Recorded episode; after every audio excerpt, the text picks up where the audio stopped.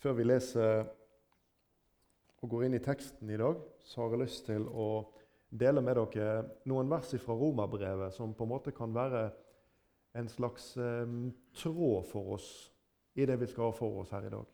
Det er jo påskedag, som alle vet, eh, og det er oppstandelsesdagens budskap. Eh, men for å sette dette her i den riktige rammen, så skal vi ta med oss litt om de hellige skrifter og det som var forutsagt om denne begivenheten. Vi leser i Romerbrevet kapittel 1. Og Hvis ikke du allerede har noen streker i Bibelen din, så er dette et fint sted å gjøre det. Romerbrevet kapittel 1, og vi skal lese vers 1-4. Paulus, Jesu Kristi tjener, kalt til apostel, utvalgt til å forkynne Guds evangelium, det som han forut har gitt løfte om ved sine profeter i hellige skrifter.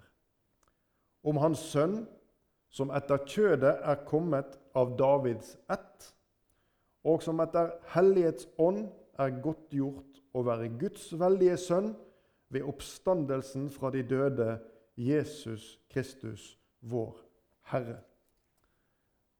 Jeg håper du kan trykke til ditt hjerte disse versene her. Dette det handler om flere ting. og Det er sånn eh, nær sagt eh, historien om Jesu fødsel, Jesu lidelseshistorie, oppstandelsen og hele evangeliets budskap om profetier, om profetiers oppfyllelse. Alt dette i et nøtteskall. Det er det Paulus skriver her i disse fire første versene.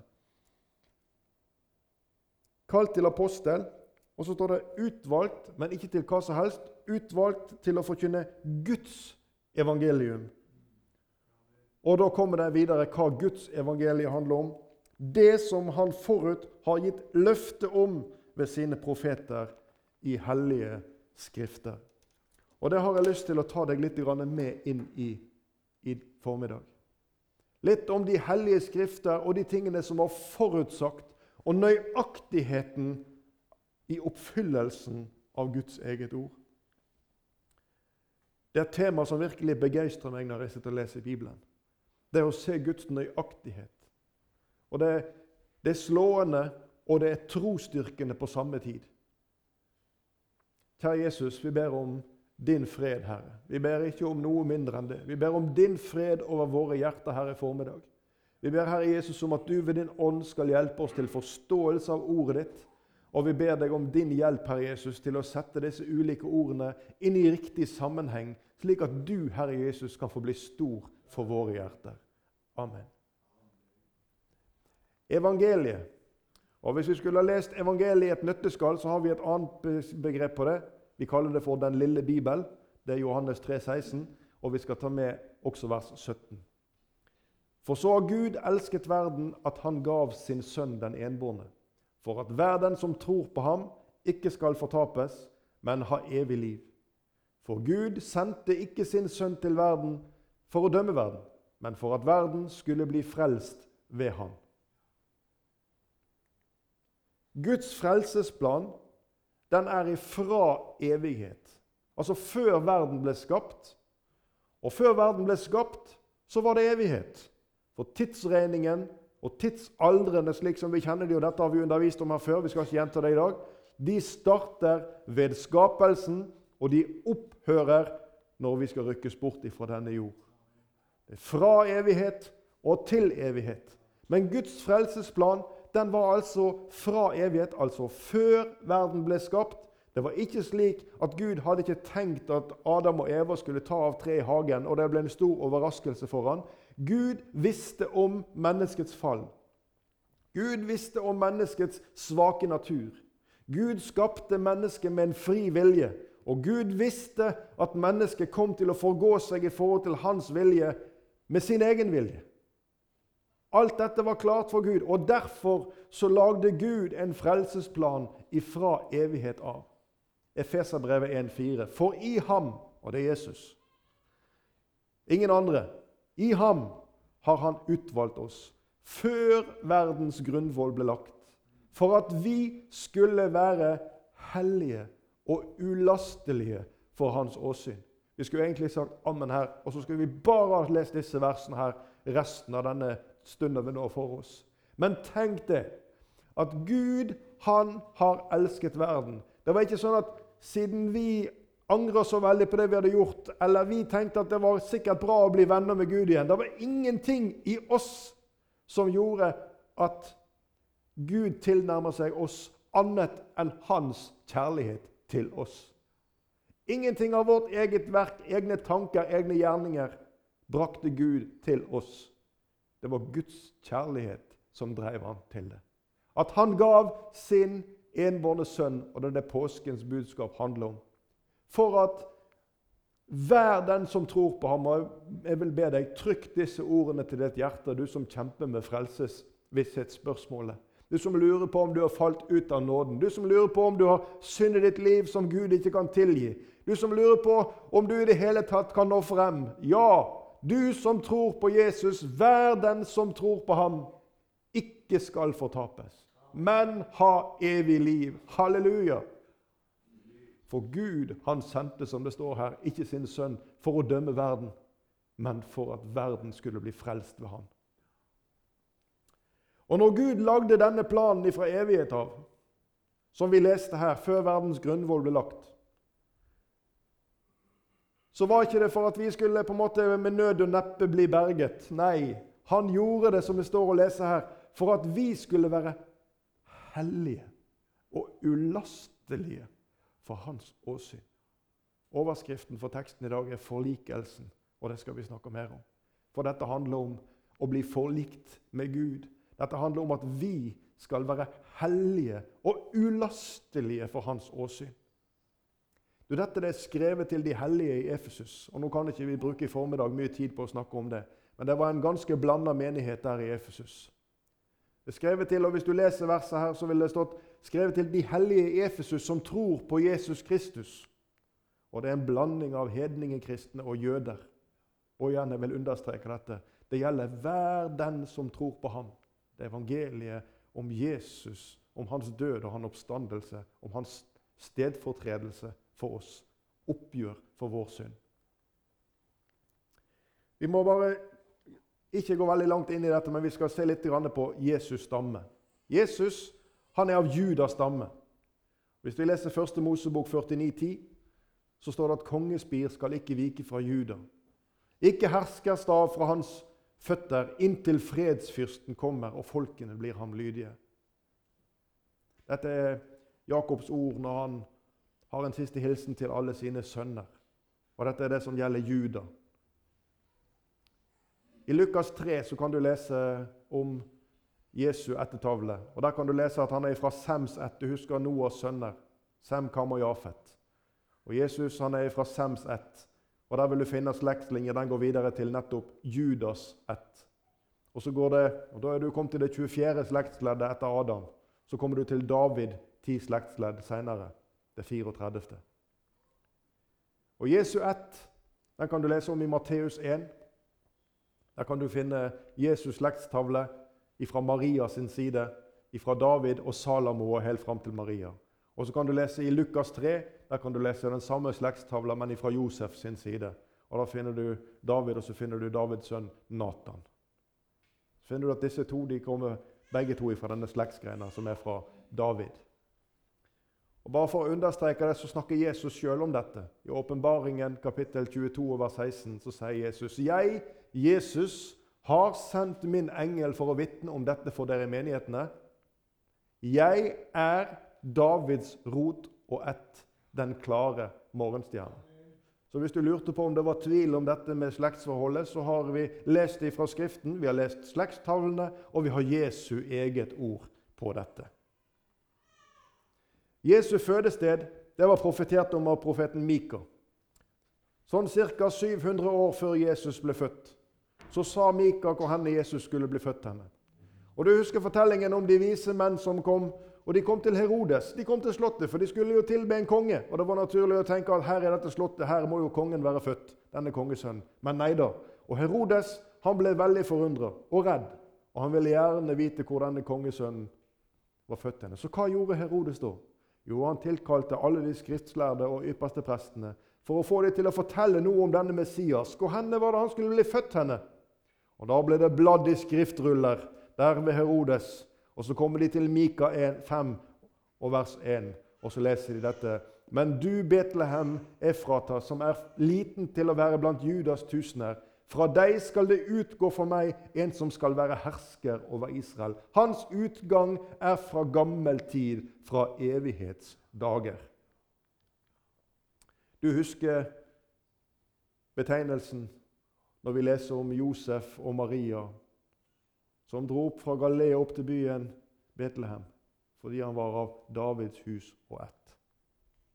Du, tiden for Jesu fødsel er òg nøyaktig forutbestemt. Og Nå skal ikke dette være en julepreken, men vi skal ha dette med oss. For vi leste fra Romerbrevet kapittel 1 om det som var skrevet om dette i de hellige skrifter. Galaterbrevet 4 og vers 4-5. Men da tidens fylde kom, utsendte Gud sin sønn, født av en kvinne, født under loven. Og hvorfor? Jo, for at han skulle kjøpe dem fri som var under loven, så vi skulle få barnekår. Når Jesus blir født, så er det når tidens fylde kom. Når Gud hadde bestemt at dette skal skje, da skjedde det. Og Sånn er det med alle ting som vi leser gjennom Skriften, som Gud har bestemt skal skje, til fastsatt tid. Vi skal se på noen flere eksempler om hvor nøyaktig Gud er i akkurat i dette, denne sammenheng. Men hør Han skulle bli født inn i verden, men han ble født under loven. Jesus ble født under loven. Og du og jeg som er kjent med Bibelen, vi vet at Jesus han levde et syndfritt liv. Jesus han var uten synd. Han var som det lyteløse lammet som ble slaktet som offerlam i den gamle pakt. Gud måtte ha uskyldig blod, og det fantes ikke i verden. Derfor utsendte Gud sin sønn for at hans blod, hans hellige blod, skulle bli utgitt for vår skyld. Hvorfor? Jo, for at han skulle kjøpe oss fri. Du og jeg som var under loven, og som hadde forbrutt oss imot Guds lov, og som dermed var utestengt ifra fellesskap med Gud, uten mulighet til å komme inn i hans himmel evig fortapt, en hel menneskeslekt. Men vi leste fra Efeserbrevet her for litt siden at Gud han hadde en frelsesplan fra før denne verdens grunnvoll ble lagt. Og at han ville at vi skulle bli, han ville gjøre oss hellige og ulastelige. Og det er det som skal skje her. Han skulle kjøpe oss fri for at vi skulle bli nettopp det som han hadde sagt. Hellige og ulastelige. Vi skulle få barnekår. Det begrepet barnekår det kommer fra et gresk ord som heter hyotesia.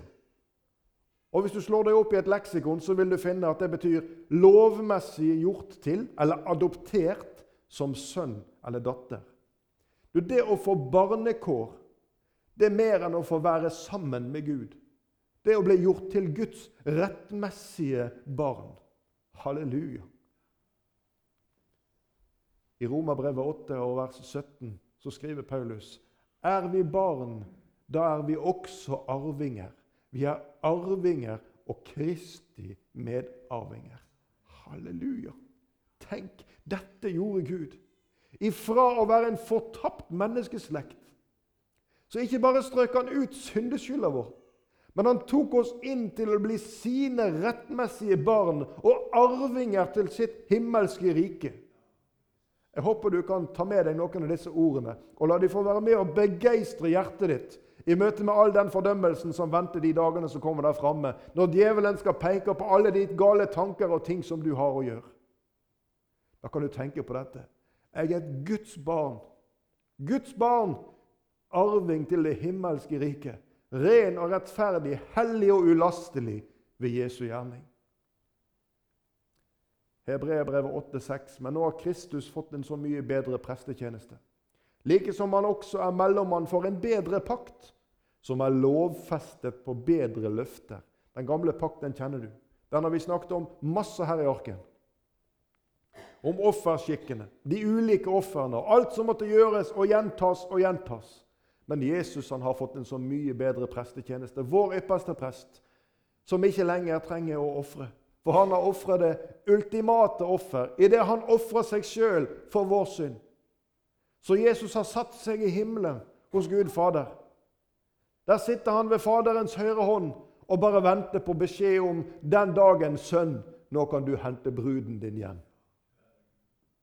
Og Denne pakten som Jesus har gjort, den er ikke slik som den gamle pakt med ofre som stadig måtte gjøres på nytt og på nytt for folkets synder, og det måtte ofres på nytt. Det er Jesu offer det er et endelig offer for all synd. Derfor er denne pakten òg lovfester på bedre løfter. Det finnes ingen offer tilbake for synd som du og jeg skal gjøre, for Jesus har gjort alt. Jesus han ble født av en jomfru. I Isaias kapittel 7 vers 14 så står det at derfor skal Herren selv gi dere et tegn. Se, jomfruen skal bli med barn. Hun skal føde en sønn og gi ham navnet Immanuel. Det må ha vært noen merkelige ord å lytte til når profeten uttalte dette. Se, jomfruen skal bli med barn. Ja, det er omtrent som å si at se, det skal snart snø i komfyren. Det kommer ikke til å skje, for det går ikke an. Men i tro så stiger Jesaja fram, og så sier Jesaja disse ordene. Så utrolig det enn måtte høres ut, fordi det var ord som Herren hadde lagt på hans hjerte. Jomfruen skal bli med barn. Matteus 1, vers 18. Med Jesu Kristi fødsel gikk det slik til. Hans mor Maria var forlovet med Josef. Men før de var kommet sammen, viste det seg at hun var ved barn ved Den hellige ånd. Det var et engelens ord. Vi kan ikke gå inn i denne beretningen, men jeg vil bare understreke for deg Bibelens nøyaktighet. Den, hvordan dette er profetert om, forutsagt, og hvordan Gud sørger for at sitt eget ord oppfylles. Vi leste fra Romerbrevet 1, og vi skal gjenta det tredje verset. Guds sønn, som etter kjødet er kommet av Davids ett. Du vet, Gud er Jesu far. Jesus er unnfanget ved Den hellige ånd. Ikke ved kjøds vilje, ikke ved manns vilje, men ved Den hellige ånd og ved Guds vilje. Og et friskt barn som blir født, det har 23 kromosompar. 23 fra mor og 23 kromosomer fra far. 46 til sammen. Jesu menneskelige side, for han er sant menneske, den kommer fra Davids ett og ved Maria. Men Jesus har like mange himmelske egenskaper, så han er sann Gud og sant menneske. Men i og med at han også har en himmelsk far og ikke en jordisk far, så er også Jesu blod et himmelsk blod. Og Vi kan ikke gå langt inn i dette, men vi kan kort si at mor og barn under svangerskapet deler ikke blod. Jesus har ikke del i Marias blod. Jesu blod er et hellig blod, et himmelsk blod, skapt av Gud ved Den hellige ånd. Og det er viktig å forstå. For Jesus han er uten jordisk farsarv. Så Jesu blod det har himmelsk avstamming. Og det er viktig å forstå, fordi at ellers ville Jesus hatt del i denne slekta, i slektslinja som var helt tilbake igjen til Adams fall. Romerbrevet 5-6. For mens vi ennå var skrøpelige, døde Kristus. Og når gjorde han det? Jo, han gjorde det til fastsatt tid for ugudelige. Det var ingen tilfeldigheter med at dette skjedde på denne dagen. Og Vi kan ikke gå inn, men jeg vil bare si til deg at hvis du har interesse av å lese om Guds nøyaktighet når det gjelder dette, så skal du lese profeten Daniel og kapittel 9. Der står det en profeti om 70 åruker. Og Hvis du vil fordype deg litt i dette, så vil du finne nøyaktigheten ut av dette. At du vil komme til år 34 etter Kristus. Det er jo ingenting som heter år 0. Så når Jesus var 33 år gammel Du vil finne at Jesus, han dør på den dagen, i den måneden og på det tidspunktet som Gud har forutbestemt. Det er fantastisk å se Guds nøyaktighet i dette. Og bare et par parenteser. Påskelammet, som Moses snakker om i, i 2. Mosebok 12, det slaktes på den 14. dagen i måneden Nisan. Og det er Jesu dødstidspunkt. Jesus han dør imellom de to aftenstunder mens påskelammet skulle slaktes. Og Du husker beretningen ifra når de slakta påskelammet, strøk blodet på dørstolpene, og så var de trygge, de som var inne i dette huset. Og så gikk dødsengelen forbi. Dommen rammer de ikke. Jesu dødstidspunkt det, er helt nøyaktig med tidspunktet for ofringen av påskelammet. Og jeg syns det er et fantastisk vitnesbyrd om, om Guds nøyaktighet, men òg om Bibelens pålitelighet. Når vi leser denne historien som går gjennom flere tusen år, og skrevet av mange mennesker, uten motsigelser og nøyaktig til oppfyllelse. Det er fantastisk. Og enda en parentes. Jesu oppstandelsesdag, hvis du vil lese tidslenge i bibelhistorien, det er den nøyaktig samme dagen som arken lander på fjellet Ararat. Og Vi kan se det for oss. Gud han, han, ba, Moses, nei, unnskyld, han ba Noah om å bygge den arken. Og så gikk de inn i den arken. Og når dagen var kommet, og vannet eh, sank, så landa arken på Ararat. Og så kunne Noah og hans nærmeste gå ut av arken, og så kunne de ta inn synet av at dommens vann var veket bort.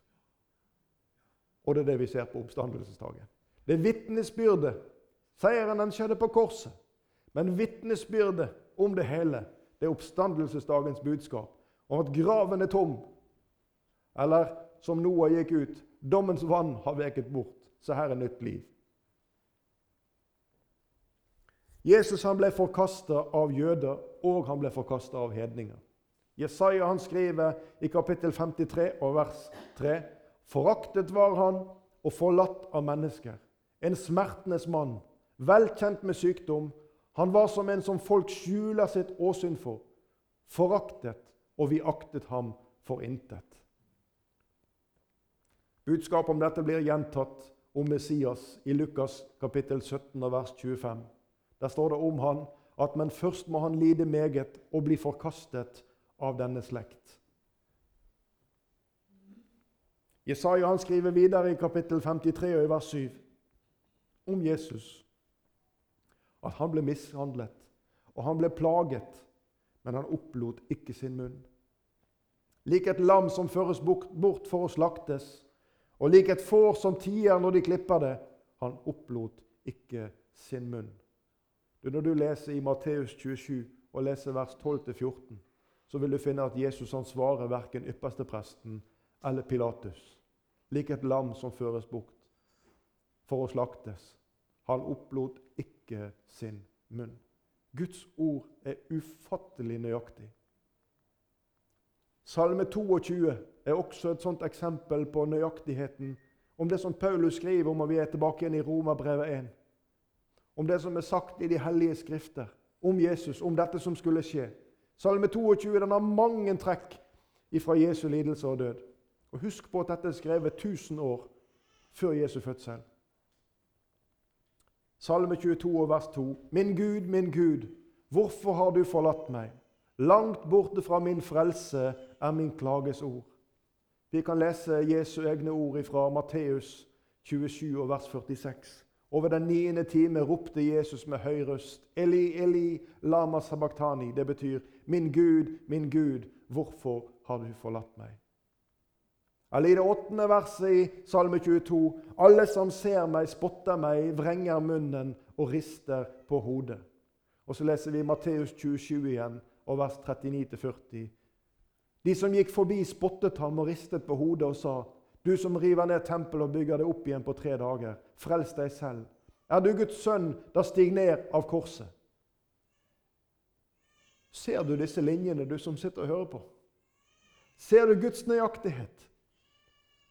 Vers 16-17 i Salme 22. Min kraft er opptørket som et potteskår, og min tunge henger fast ved mine gommer. I dødens støv legger du meg, for hunder omringer meg. De ondes hop gjør meg inne. De har gjennombåret mine hender og mine føtter. Husker du Jesu tørst på korset? Husker du om soldatene som gjennombårer hans hender? Vers 19 i samme salme. De, de deler mine klær mellom seg og kaster lodd om min kappe. Johannes 19, vers 23-24 beskriver dette. Om at soldatene som tok klærne hans, og så delte de de i fire deler. En del til hver soldat. Og så leser vi at de tok også kappen. Men om den så leser vi de sa da til hverandre, la oss ikke rive den i stykker, men kaste lodd om hvem som skal ha den. Slår det deg at disse fire soldatene, romerske soldatene som ikke hadde noe forhold til jødisk tro, som hadde korsfesta Jesus og som tok klærne hans, de gjorde nøyaktig etter det som salmisten hadde skrevet tusen år i forveien?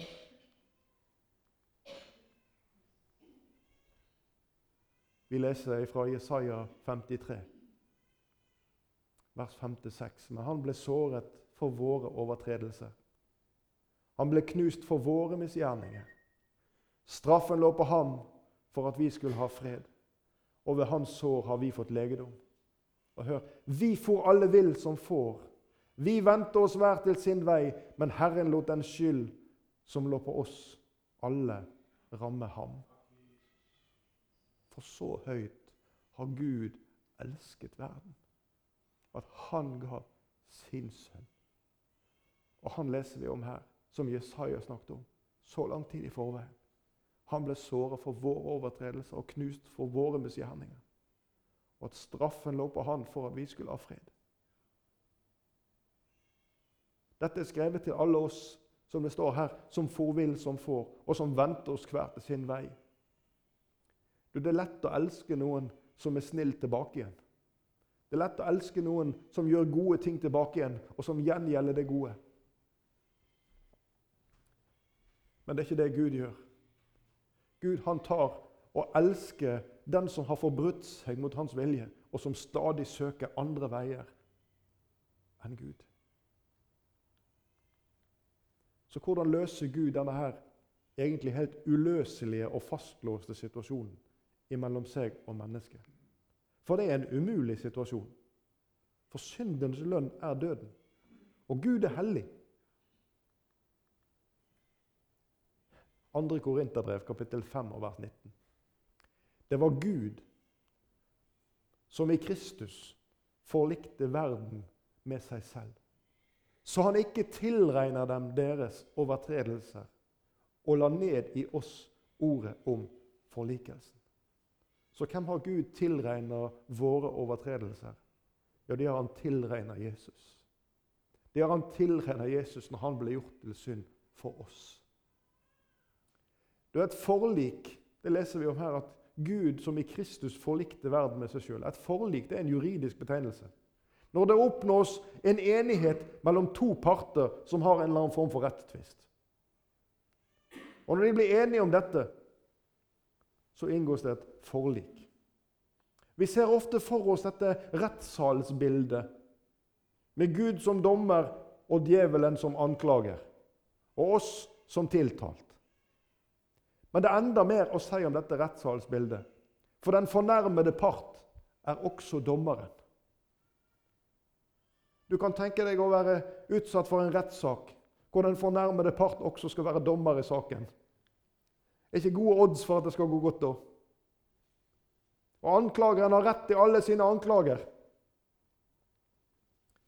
Det er ikke en vanlig rettssak, dette her. Det er dommeren og den fornærmede part som også kommer til løsningen. Gud han både stiller kravet, og han oppfyller kravet til forlik. Og Nøkkelordet her, det er i Kristus. Du og jeg vi er forlikt med Gud. Vi har ikke lenger noe utestående med Gud.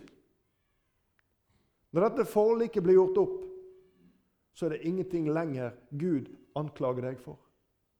Du som er i Kristus. Og de tre mest, altså de tre mest fantastiske ordene som har vært uttalt i menneskets historie, det må være de ordene som Jesus ropte ifra korset. Johannes 19, vers 30. Det er fullbrakt. Og så bøyer han hodet sitt, og så oppgir Jesus sin ånd. Det er fullbrakt. Hva var det som var fullbrakt? Ja, Det var Guds frelsesplan som var fra evighet av, som vi begynte med her.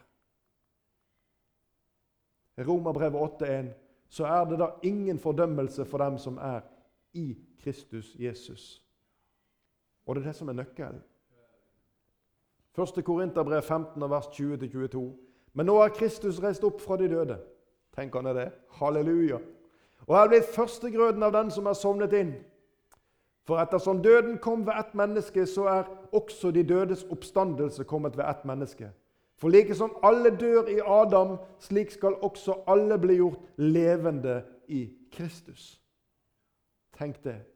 Jesus gjorde alt. Romerne 3, vers 23-24, der kan du lese om at alle har synder. Det gjelder alle mennesker uten unntak. Og så står det om de samme alle mennesker at de ufortjent og av Hans nåde blir rettferdiggjort ved forløsningen. Og igjen i Kristus. I Kristus. Forløsningen ligger i Kristus.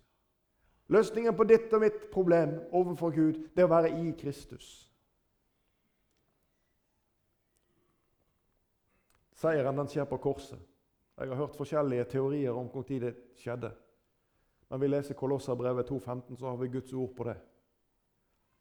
Han avvæpnet makten og myndigheten og stilte dem åpenlyst til skue da han viste seg som seierherre over dem på korset. Når Jesus ropte 'Det er fullbrakt', så var det ferdig. Da var det siste offer for synd gjort. Og så utånda Jesus. Og oppstandelsesdagen, som vi feirer i dag, ja, du, det er selve bekreftelsen og vitnesbyrdet om det han har gjort.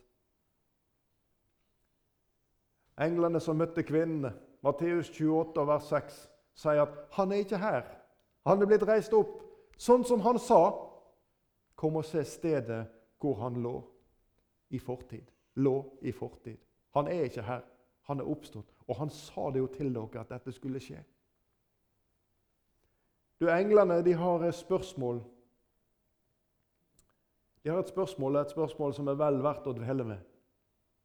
Og Hvis du leser den samme beretningen i Lukas 24, vers 2-3, så leser vi om kvinnene. Men de fant steinen rullet fra graven, og da de gikk inn, fant de ikke Herren Jesu legeme. Og hertil er det mange mennesker som kommer. Vi skal komme tilbake til engelens spørsmål. Det er mange mennesker som kommer til dette punktet. Steinene ruller fra graven, og da de gikk inn, så fant de ikke Herren Jesu legeme. Og Hertil så kommer det mange med forskjellige typer skepsis, som lurer på hva som kan ha skjedd, om det i det hele tatt har skjedd noe. Og Her finnes ulike forsøk på logiske forklaringer. Hvordan gikk dette til? Romerne de hadde sin egen. At vaktene hadde sovna, og så hadde disiplene vært der og stjålet Jesus. Det fant mange. Og så finnes det mange som har sine egne fortolkninger av hvordan dette foregikk. Men englene de spør Lukas 24, 24,5. Hvorfor søker dere den levende blant de døde? Jeg vil bare få understreke og tillegge at svaret på frelse det finnes ikke i denne verden. Ikke i gjerninger og ikke i offer, ikke i noen form for oppofrelse eller innsats, men i Jesu blod og i Jesu blod alene.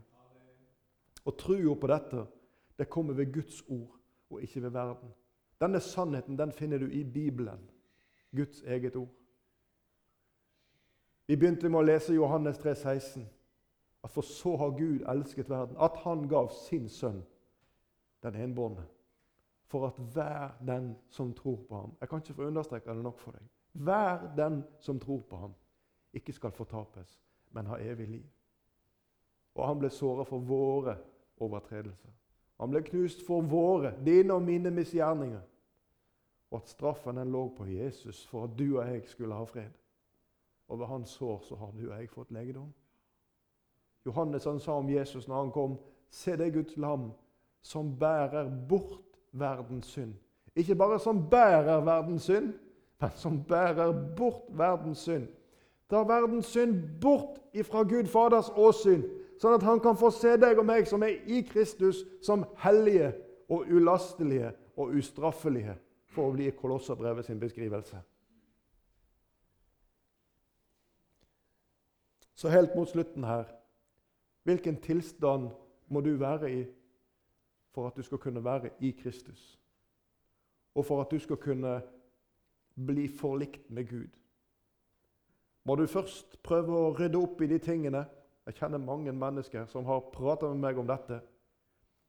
Som har lyst til å komme tilbake igjen til Jesus etter å ha kjent på at det har oppstått en avstand, og det har gjerne en årsak til et eller annet som har inntruffet i livet. Og Så skal en på en måte prøve å, å rydde opp og gjøre så godt en kan. Og så kan en komme til Gud. Hvilken tilstand trenger vi å være i? Det er en sang som er skrevet av en dame som heter Charlotte Elliot.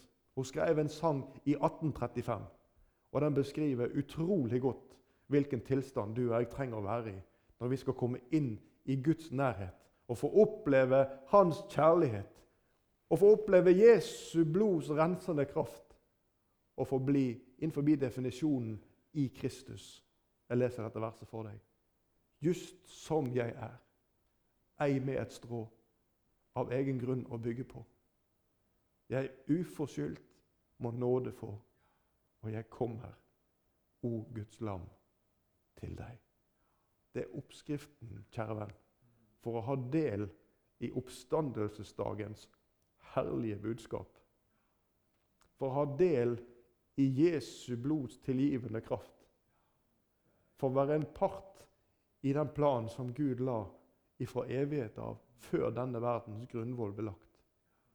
For han har gjort det sånn at du kan være hellig og ulastelig, sånn som du er.